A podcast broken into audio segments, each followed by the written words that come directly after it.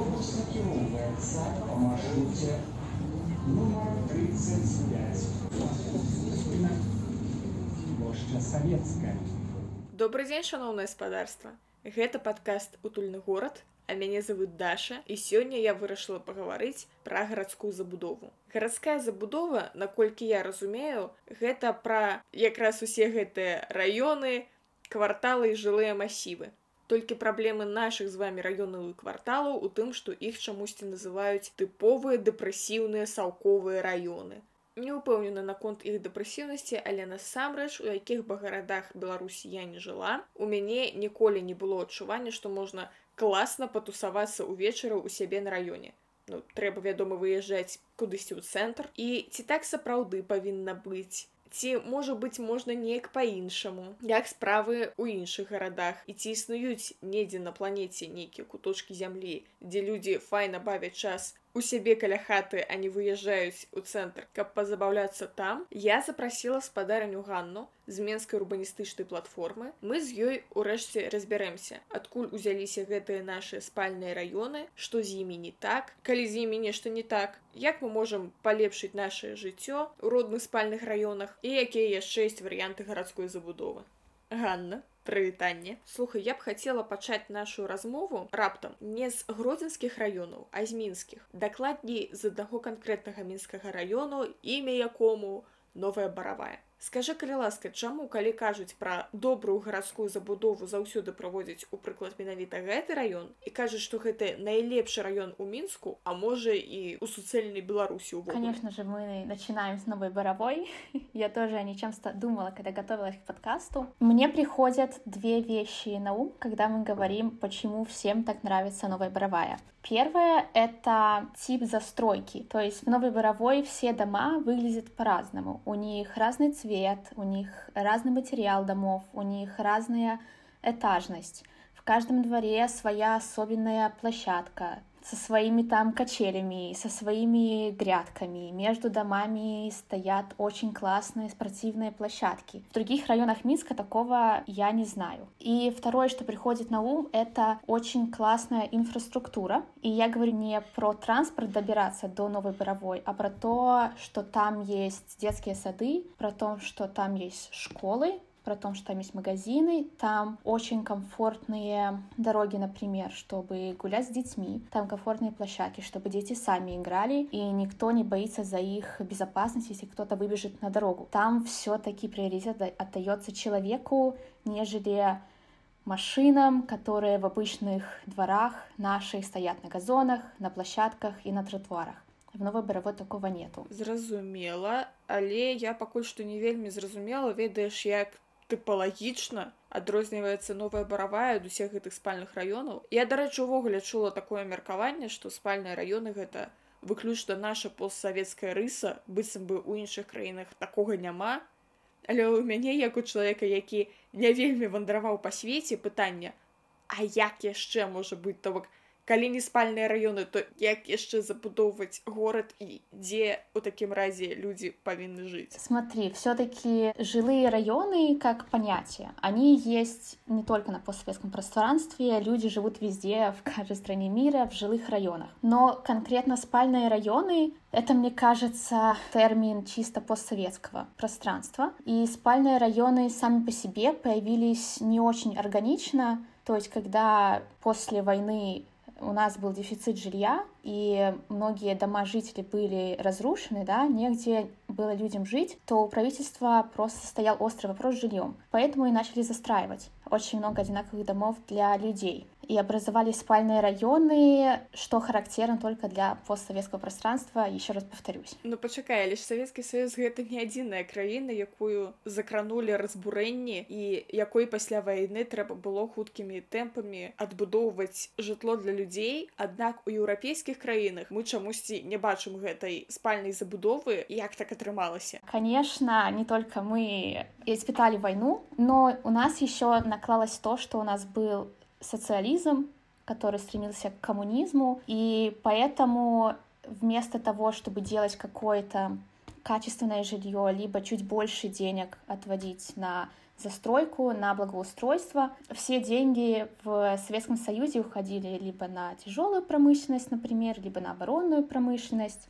И чтобы построить дома, оставалось совсем немного, и, соответственно, использовали однотипные, дешевые материалы, и спальные районы строили вдали от самого горада Слухай а я увогуле ніколі не думала што гэтыя панелькі з'явіліся праз эканомію сродкаў тому что я ўсё жыццё думала что просто перад хрушчовым стаяла задача як мага хутчэй рассселіць тыя камуналкі і баракі каб людзі жылі хоць у якіх але асобных кватэрах і вось таму яны такімі хуткімі тэмпамі з танных матэрыялаў кляпалі гэтыя хрушчоўкі да я тоже думала так всю сваю жизнь но когда я чуть больше начала углубляться в дома, я поняла то, что быстрота и нужда в домах, она была, и да, Никита Хрущев действительно с ней справился, но проблема в том, что это можно было сделать лучше, но никто не хотел это делать лучше, потому что были другие приоритеты. Сами хрущевки, они не планировались как долгосрочное жилье.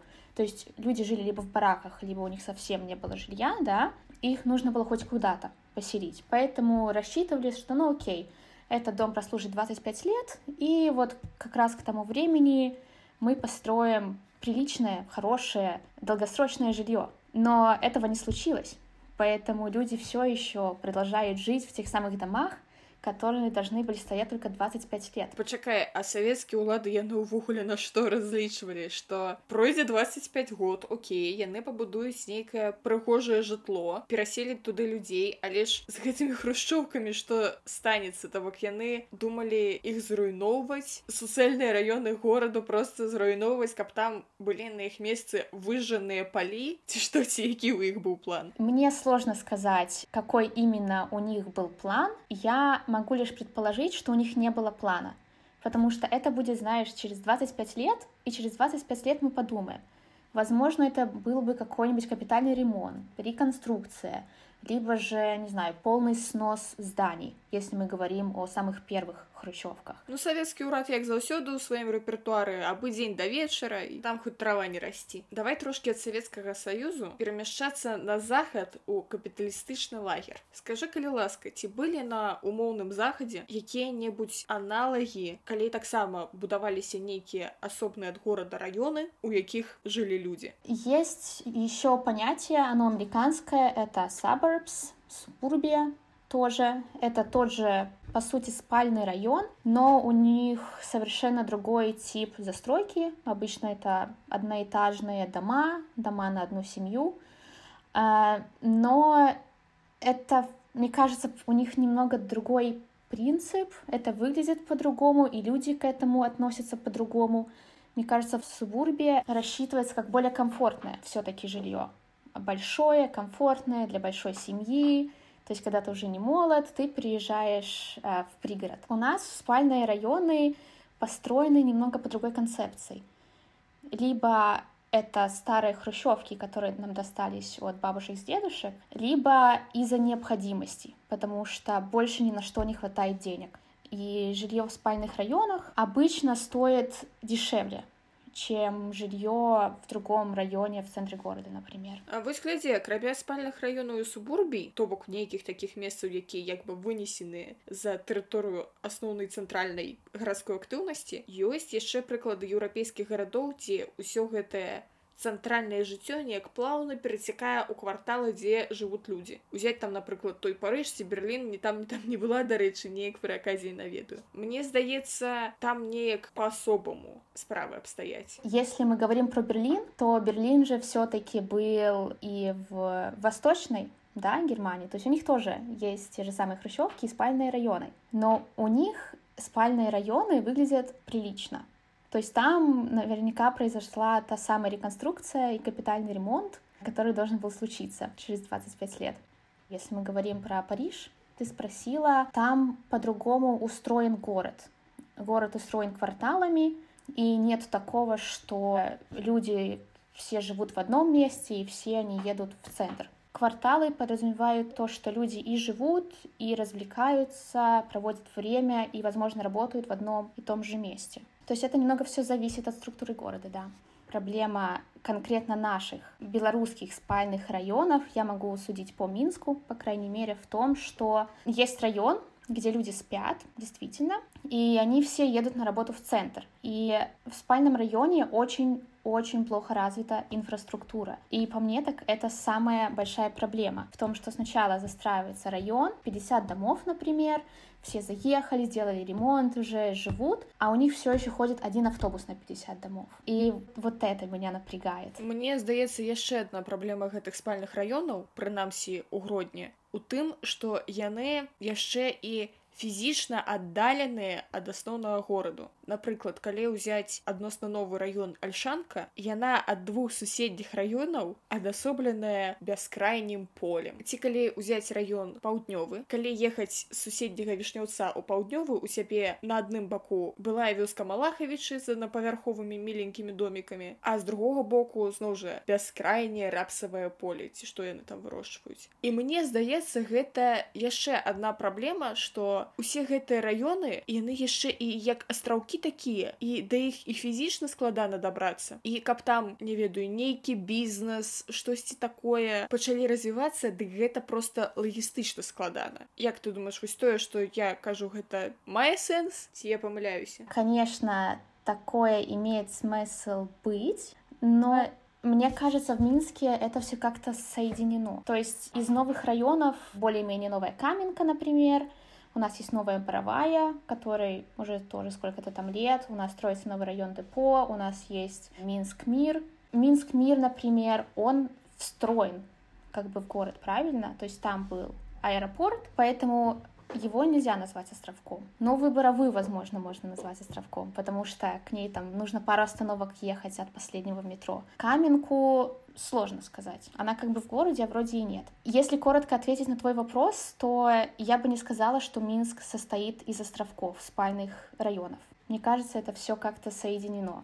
Но есть более странные и страшные районы, а есть интегрированные и классно сделанные. Якая яшчэ ёсць яркая асаблівасць нашых гарадоў там мінска і гродна, што большасць людзей жыве у адным баку горада а усе прадпрыемствы у супрацьлеглым і раніцой одна частка горада едзе другую частку горада на працу вось скажи калі ласка ці гэта толькі феномен наших гарадоў то бок родная мінска ці можа быць у нейкіх іншых гарадах беларусі бліжэйшага замежжа таксама ёсць такая праблема нет это совсем не гродно минск я например последние три года жила в братиславе и братислава это тоже пост посткоммунистический город, и в 60-е то правительство решило застраивать город как следует.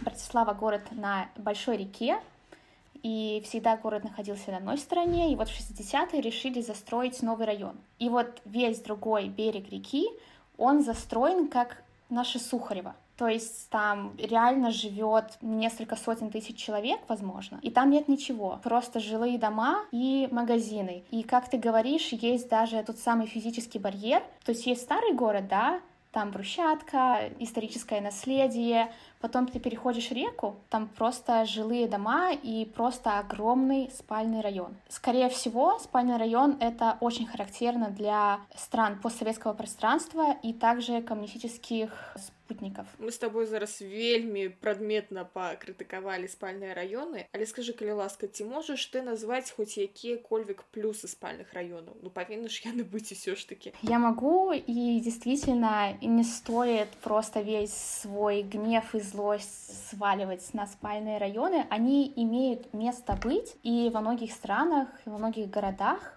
пока что альтернативы нету, либо ее очень сложно сделать, правильно? Если мы говорим про плюсы спальных районов, то, конечно же, говорим про доступность жилья, неважно, это в Минске, в Гродно, либо в Братиславе, всегда это дешевле. Это также часто жилье для большой семьи, для молодой семьи, которое точно можно найти в спальном районе, нежели в центре города там тихо в спальных районах, так как они отдалены от промышленных предприятий, от центра города, где обычно кипит жизнь, от всех ночных, дневных клубов. Поэтому просто приезжаешь и отдыхаешь. Часто еще в таких спальных районах есть парки, поэтому, возможно, даже как-то экологично. Если мы говорим про минусы, я уже говорила, это отсутствие инфраструктуры. Я начала замечать, что, что современные спальные районы, я не говорю про хрущевки, которые были построены 50 лет назад, у них начинается очень многоэтажная застройка,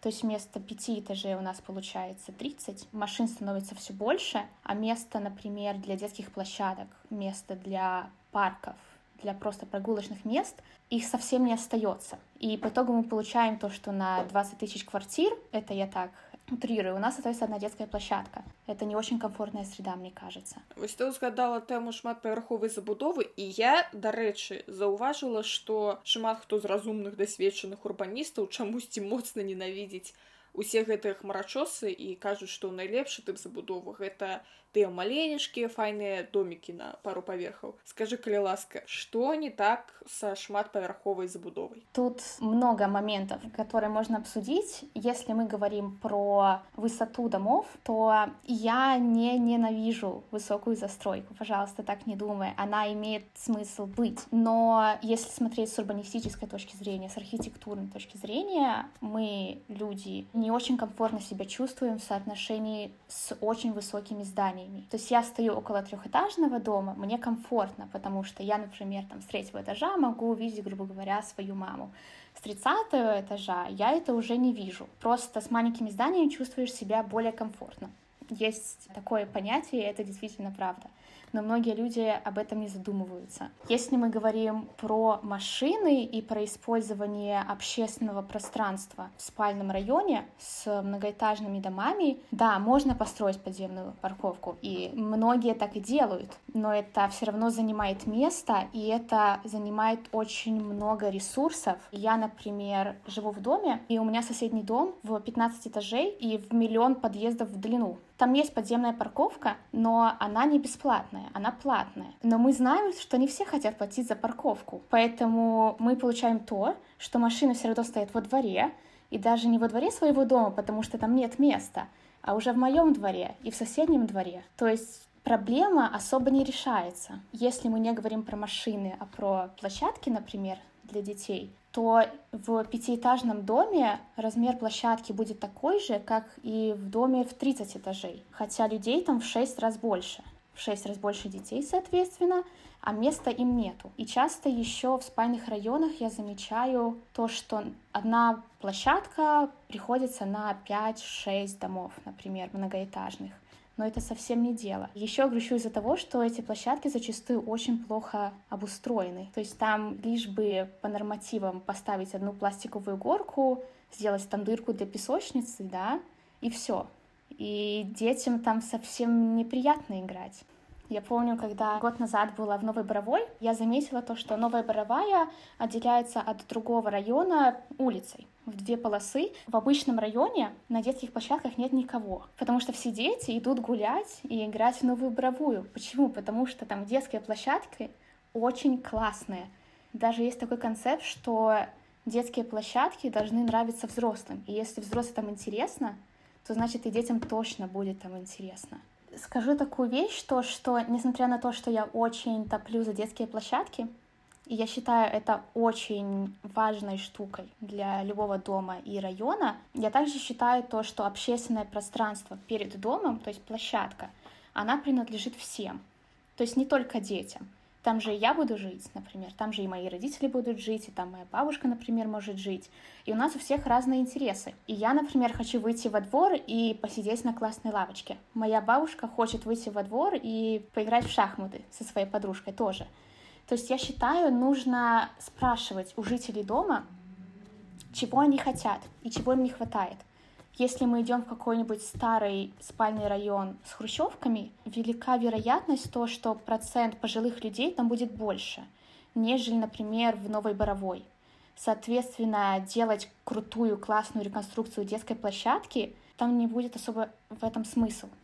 И действительно нужно будет поставить пять сидений, пять столиков, чтобы пожилые люди встречались, играли в карты, господи если хотят пусть п'ют водку слухай калі шчыра я даволі скептычна стаўлюся да усіх гэтых трэба запытаць людзей патлумачу чаму моя светлай памяці бабуля была інжынерам будаўніком я б яе назвала інжынеркай будаўніцы але яна так пра сябе ніколі не казала дык вось яна мне распавядала пра выпадкі калі чальцы кааператыву адмаўляліся рабіць напрыклад пандус для пад'езда Таму што а на халеру ён нам патрэбны у нас тут не інвалідаў не маладых бацькоў з вазочкамі справа ў тым што сёння у вас інвалідаў і маладых бацькоў няма а заўтра яны з'явяцца і мне здаецца такая ж самая сітуацыя з дзіцячымі пляцоўкамі то бок сёння у вас няма патрэбы бо як бы няма малых дзяцей а заўтра малыя дзеці з'явіліся и что я все-таки имела в виду дома в спальных районах, которые уже старые. Ну, то есть этому дому уже там 50 лет, да. Понятное дело то, что в новом доме, который только что построили и сдали, нету вопросов, делать ли там пандус. Понятное дело, что нужно делать пандус. Совершенно разные люди могут туда заехать и там жить. Добра, давай тады ад канкрэтных дамоў зноў вернемся да маштабу раёну. Мы уже пералічылі, якія ў спальных раёнах ёсць плюсы, якія мінусы. А скажы, калі ласка, ці ёсць якія-кольвік сродкі, каб спальныя раёны паляпшаць. Да, спальные районы можно и нужно улучшать, и во многих западных странах все переосмысливают общественное пространство, спальные районы и хрущевки и делают это комфортным местом для жизни. Во-первых, можно начать со зданий, можно их привести в красивый вид. Я сама первые семь лет жизни прожила в Сухарево, и сейчас некоторые здания выглядят очень грустно. Очень многие площадки выглядят грустно. В целом не хватает элементов какой-то интерактивности в районе. Не хватает каких-то общественных дел, которые люди могут вместе делать. То есть западная практика в других странах, например, в Эстонии или в Литве или в Латвии, показывает нам то, что нужно привести в порядок дом, сделать приличную территорию, показать то, что вы уже не живете в разрушенной хрущевке. Смотрите, у вас новый фешенабельный пятиэтажный дом, мы вам переделали площадку, и вы еще можете посадить у себя, например, огород перед домом и за ним ухаживать. Можно сделать велопарковку, можно сделать вот эту штуку, вот эту штуку. То есть просто привести район красивый і прыгодны для жизни від яшчэ мне здаецца ну асабіста мне прынамсі было б нашмат болей прыемна калі б у мяне у той же самой панельнай пяціпавярхуцы была кавярня напрыклад на першым паверсе Таму что для мяне ўвогуле праблема што ад часу да часу хочацца выйсці куды-нибудь пачыліць і каб недалёка ісці а усякія месцы грамадскага харчавання умоўна яны толькі у цэнтры ну смотри то что ты упомянула про кофейню на первом этаже это звучит, возможно, немного странно, и, господи, конечно, ну, все хотят кофейню, но на самом деле это очень классная вещь для какой-то минимальной социализации, потому что в чем суть и в то же время проблема спальных районов, то, что туда люди ездят только спать. Но Оказывается, то, что до сна мы тоже проводим какое-то время на районе, да, у нас же есть дети, и они еще ходят в школу или не ходят в детский сад.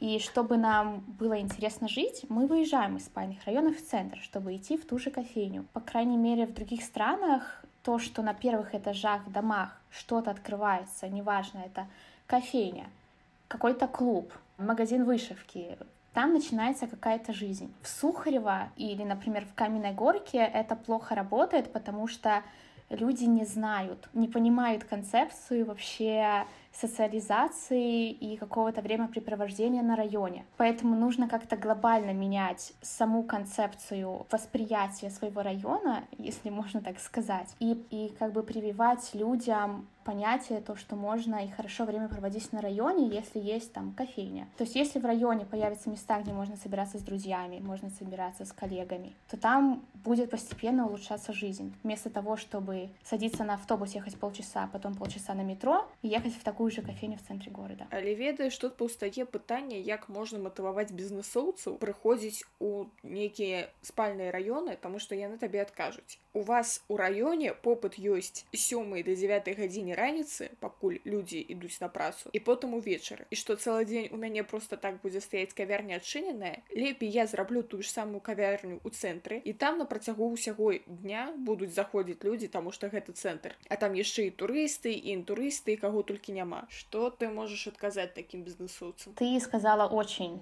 очень важную вещь и просто боль всех урбанистов мне кажется потому что сколько я в урбанистике столько я и слышу этот вопрос ответ такой, то что на данный момент никак ты не заставишь предпринимателей открыть кофейню, потому что это действительно не самый лучший бизнес в спальных районах в нашем теперешнем состоянии потому что там не готова инфраструктура, как обычная, так и социальная инфраструктура. Люди просто не знают то, что можно как-то проводить весело время. И кофейня пока что это никак не решит. Але з другога боку у нас ёсць той же самы прыклад новай баравой, дзе ёсць кавярні, якія неяк працуюць і напэўна нават акупляюцца у чым іх сакрэт што ў іх такога надзвычайнага да и там есть кофейни там кофейни не отличаются тем, что они делают кофе из золота или они какие-то супер-мега с другой планеты. Нет, просто кофейни.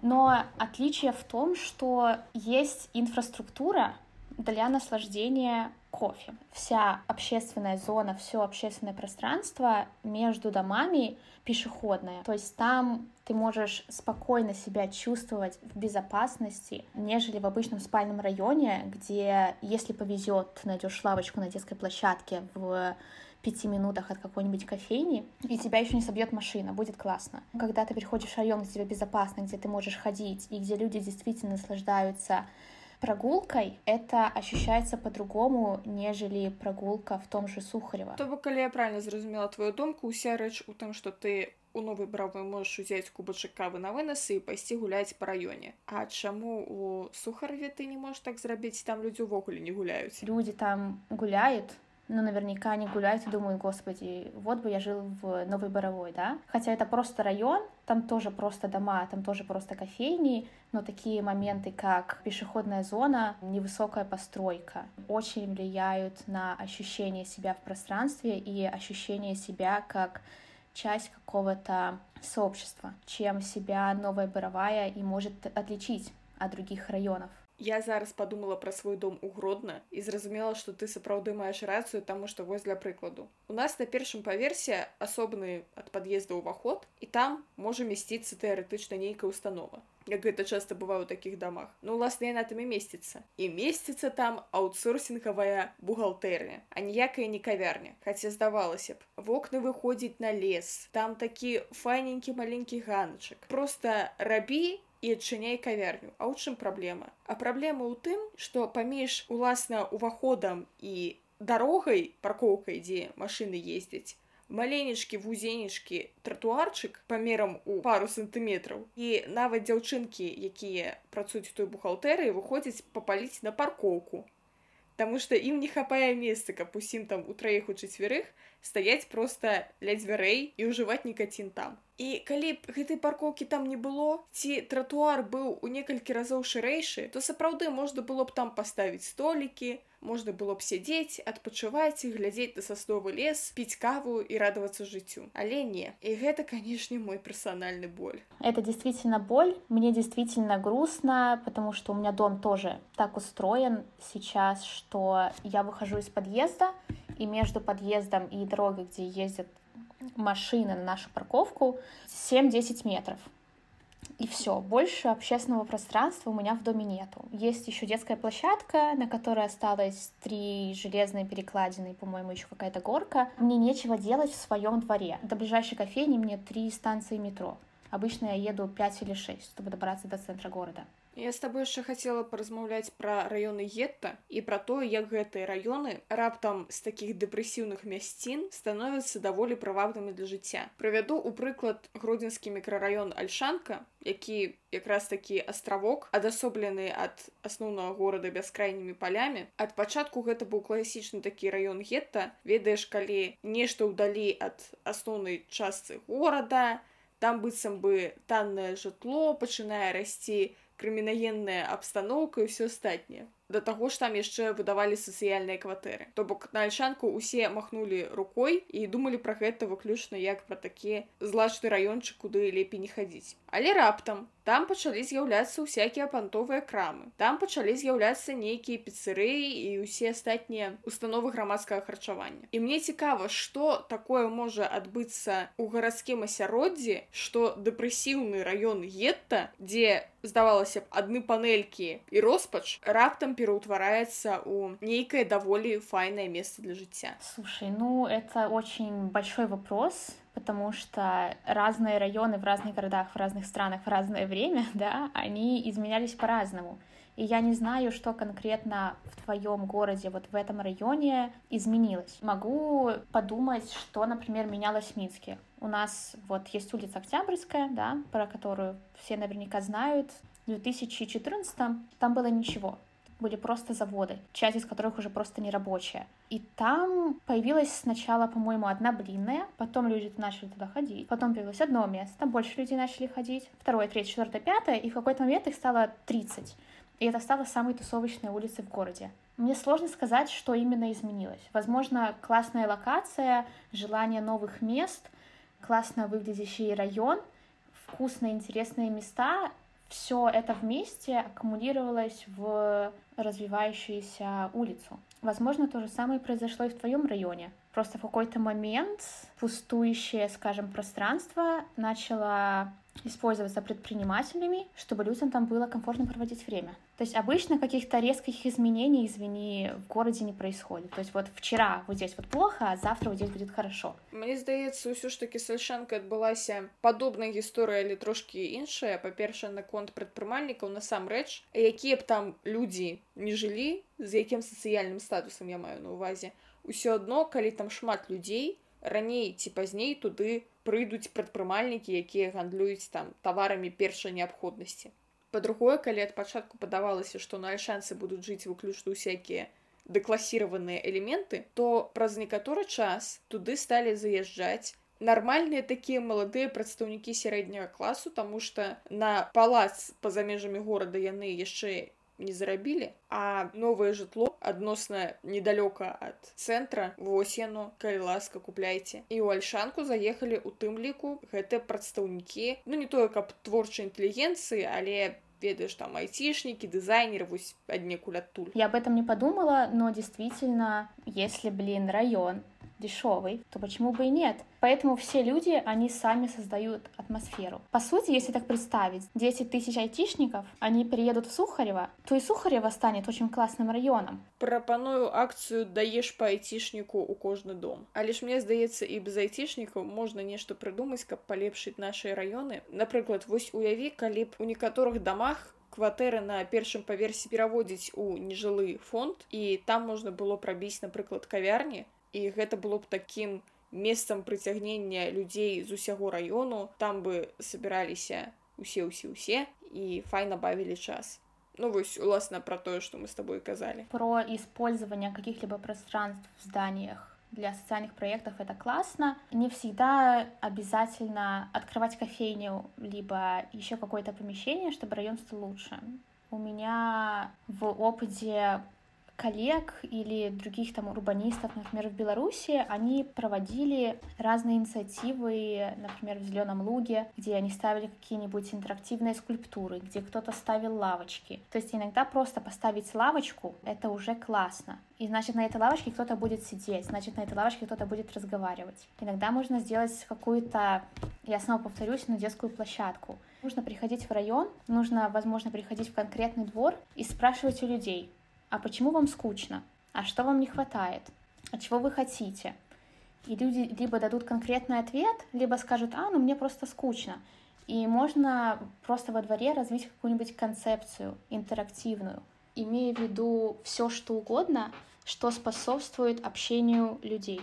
То есть это может быть и кофейня, это может быть и лавочка, это может быть какая-нибудь скульптура, на которую можно залезть, о которой можно что-нибудь обсудить с соседями. Это могут быть городские огороды, это могут быть граффити, это может быть все что угодно. Главное, чтобы паспасоўстваваць общению людзей. Наконт гарадскіх агародаў я ведаю, што і нават у мінску можна гэта сустрэць дзе-недзе. Але асабліва ў маленечкіх гарадах гэта вельмі распаўсюджана, калі вось у нас тут стаіць пяціпавярхоўка тут паркоўка машины ездзяць тут дзеці на дзіцячай пляцоўцы гуляюцца а тут у нас агародзік под вокнамі дарэчы у мяне есть файная гісторыя про гэта аднойчы мы з маёй сястрой траюраднай бавілі часу яе бабулі якраз у такім файным месцы і нас бабуля даслала на агародзік па агуркі пайшлі мы на агарод пачалі абрываць агуркі нікога не чапаем на першым паверсе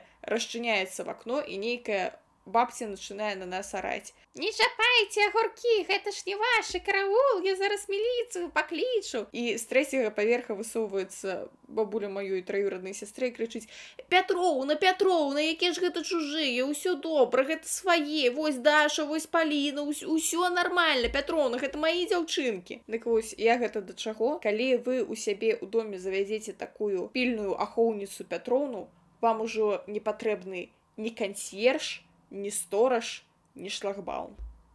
Это странно, но на самом деле это очень классно. Проблема, по крайней мере, в том, что ты сказала, то, что там ездят машины. Иметь действительно огород под окном, когда в двух метрах проезжает машина, это такое себе удовольствие. Только потому, что это везде грязь, пыль и неизвестно, какие овощи могут быть, правильно? Решением таких огородов может быть то, что территория вашего двора, она, например, закрыта от машин, либо какая-то часть двора, она отведена только под огород, и между огородом и парковкой там 30 метров чего-нибудь. Либо парк, либо велопарковка, либо площадка, либо просто кусты, что угодно. То есть можно очень классно разделить двор, что является общественным пространством для каждого жителя двора, так чтобы каждому там было комфортно але тут яшчэ варта мець на увазе что для того каб захаваць свае агуркі і іншую гародніну у цэласці трэба ну на першым паверсе мець такую пятрону тому что горад справа такая хто там у гэтых гародчых заходзіць что ён там робіць чые гэтыя градашки незразумела ну как бы да в домах либо петровна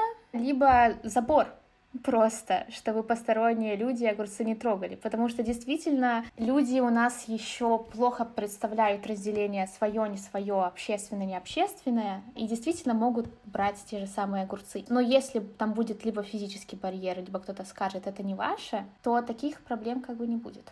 Добра, давай тады напрыканцы рабіць нейкую выснову, як павінна выглядаць ідэальная забудова в утульным городе. Идеальная городская застройка, она будет миксом. Есть понятие mixed use, то есть это район, где ты и живешь, где ты и работаешь, и район, в котором ты можешь сходить выпить кофе и сходить поиграть на теннис. То есть это, по сути, будут обычные жилые кварталы, которые не предназначены только для того, чтобы туда приезжать с работой, а просто квартал, район, где тебе будет комфортно жить. Помимо всего, чего я упомянула, этот район еще не имеет высоких зданий. Там не высокие здания, там различные типы застройки, то есть один дом, например, из кирпича, а другой не из кирпича.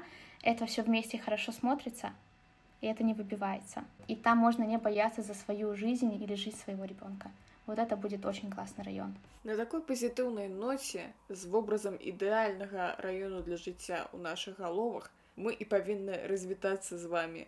Паважаныя слухачы, дзякую вам вялікі за праслухоўванне. Стаўце калі ласка зорачкі, лайкі, усе астатнія прыемныя адзнакі. Падпісвайцеся на нас ва ўсіх магчымых аплікацыях для праслухоўвання і пачуемся. Бывайце паэзны